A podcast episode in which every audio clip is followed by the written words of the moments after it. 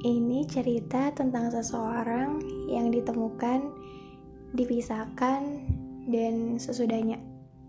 Hmm, jadi gini, saya tuh selalu percaya kalau Tuhan itu mempertemukan kita sama seseorang itu bukan karena tanpa alasan.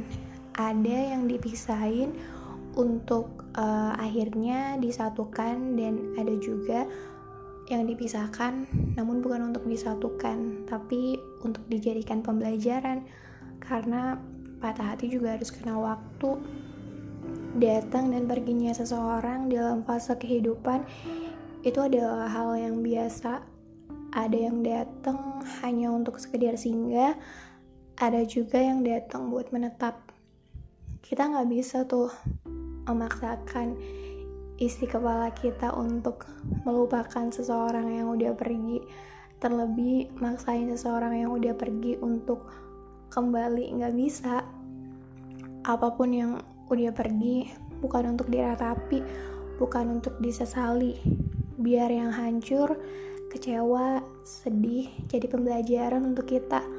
Karena lagi-lagi patah hati juga harus kenal waktu semua itu ada masanya. Kita harus tahu bahwa semua hal itu ada masanya. Begitupun dengan fase datang dan perginya seseorang. Ada masa seseorang itu datang, pun ada pula seseorang itu harus pergi. Entah pergi dari dunia atau pergi memilih orang lain. Ya udah yang jelas dia pergi aja gitu. Perkara dilupakan dan melupakan itu pilihan. Waktu nggak nunggu kita untuk berubah kok. Tapi kita yang harus merubah keadaan. Nggak sedikit ikatan yang dulunya kuat sekarang renggang. Semua itu terjadi karena waktu karena jarak juga karena tidak adanya sebuah keinginan untuk menjaga dari keduanya. Dan lagi-lagi semua itu karena waktu dilupakan dan melupakan seolah-olah bukan hal yang tabu lagi. Jadi, eh, itu tinggal gimana kita menentukan pilihan, lebih baik dilupakan atau tidak sama sekali. Saya jadi ingat saya pernah dipertemukan sama seseorang yang mana orang itu mirip banget sifatnya sama saya saya suka nulis, dia pun suka nulis. Saya suka kopi, dia juga suka kopi. Dan saya suka kucing, dia juga sama.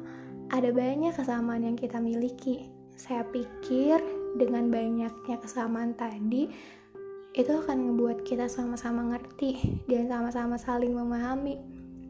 Saya pikir dia nggak akan pergi, tapi pada akhirnya dia dia pergi juga.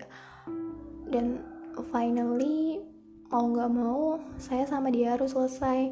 Sampai pada akhirnya saya ketemu lagi sama seseorang yang sifatnya jauh banget sama saya. Bisa dibilang sangat berbanding terbalik. Saya suka putih dia suka hitam. Saya suka genre musik pop dia suka tradisional. Gak jarang juga kita berantem karena perbedaan satu sama lain apalagi soal beda pendapat beda pemikiran kita nggak pernah akur tapi selalu ada cara untuk akhirnya kita bisa saling memahami perbedaan tersebut. Memang persamaan itu menyenangkan. Bisa membuat seseorang yang kurang dekat menjadi menjadi dekat. Tapi sayangnya nggak ada jaminan dari banyaknya kesamaan tadi. Kesamaan akan membuat orang itu tetap bertahan. Begitu halnya juga dengan perbedaan ada perbedaan yang bisa disatukan ada juga uh, hanya membuat semuanya itu semakin rumit dan hancur. Gak sedikit kan orang yang berselisih paham karena adanya perbedaan pendapat. Dan saya yakin kita juga paham bahwa menyelaraskan jalan pikiran orang yang berbeda berbeda itu nggak mudah. Dari situ kita dituntut untuk belajar saling mengerti dan memahami. Saya nggak melulu harus cerita sama orang yang sama kayak saya dalam arti orang ini nggak satu pemikiran dengan saya. saya gak bisa buat cerita sama seseorang yang isi kepalanya sama kayak saya saya butuh teman bertengkar saya butuh orang menyebalkan itu karena yang sama belum tentu akan bersama yang berbeda belum tentu akan berpisah